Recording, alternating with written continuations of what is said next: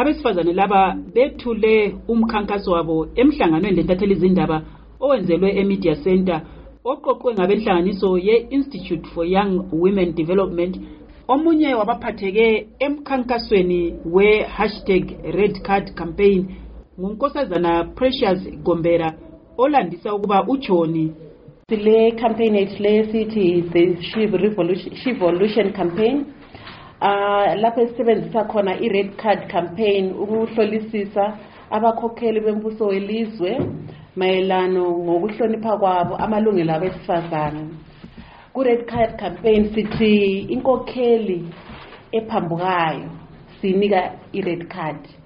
Kusitsho ukuthi thina njengabesifazane siyabe sesitshengisa ukukhonona kwethu ngomkhokheli yona lo oyebehlule ukuthi ahloniphe um amalungelo ethu njengesifazane unkosazana glanis jangachirere uthi bakubone kufanele baphawule lumkhankaso ngemva kokunanzelela ukuba lokhu kuqhubekela phambili ukuhlukumezwa kwabesifazane ikakhulu ngalesi sikhathi kulungiselelwa ukhetho. Many have to date earned labels such as Hure in Shona, Isifebe in the iningi sekungababizwa ngamagama ehangisayo.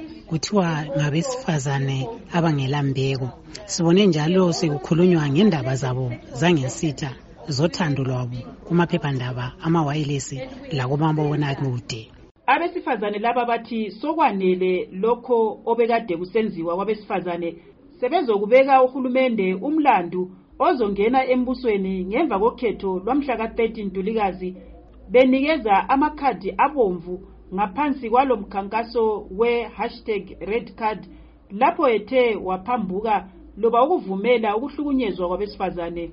Bathethe leli thuba ukuphawula njalo abafisa kulandelwe yinkokheli ngaphansi kwe-the zimbabwe feminist manifesto okuyiziqondiso abafuna uhulumende azilandele ukulondoloza amalungelo abesifazane njalo kuyizo ezizosetshenziswa ukubona ukuba uqhuba kanjani kulolu hlangothi?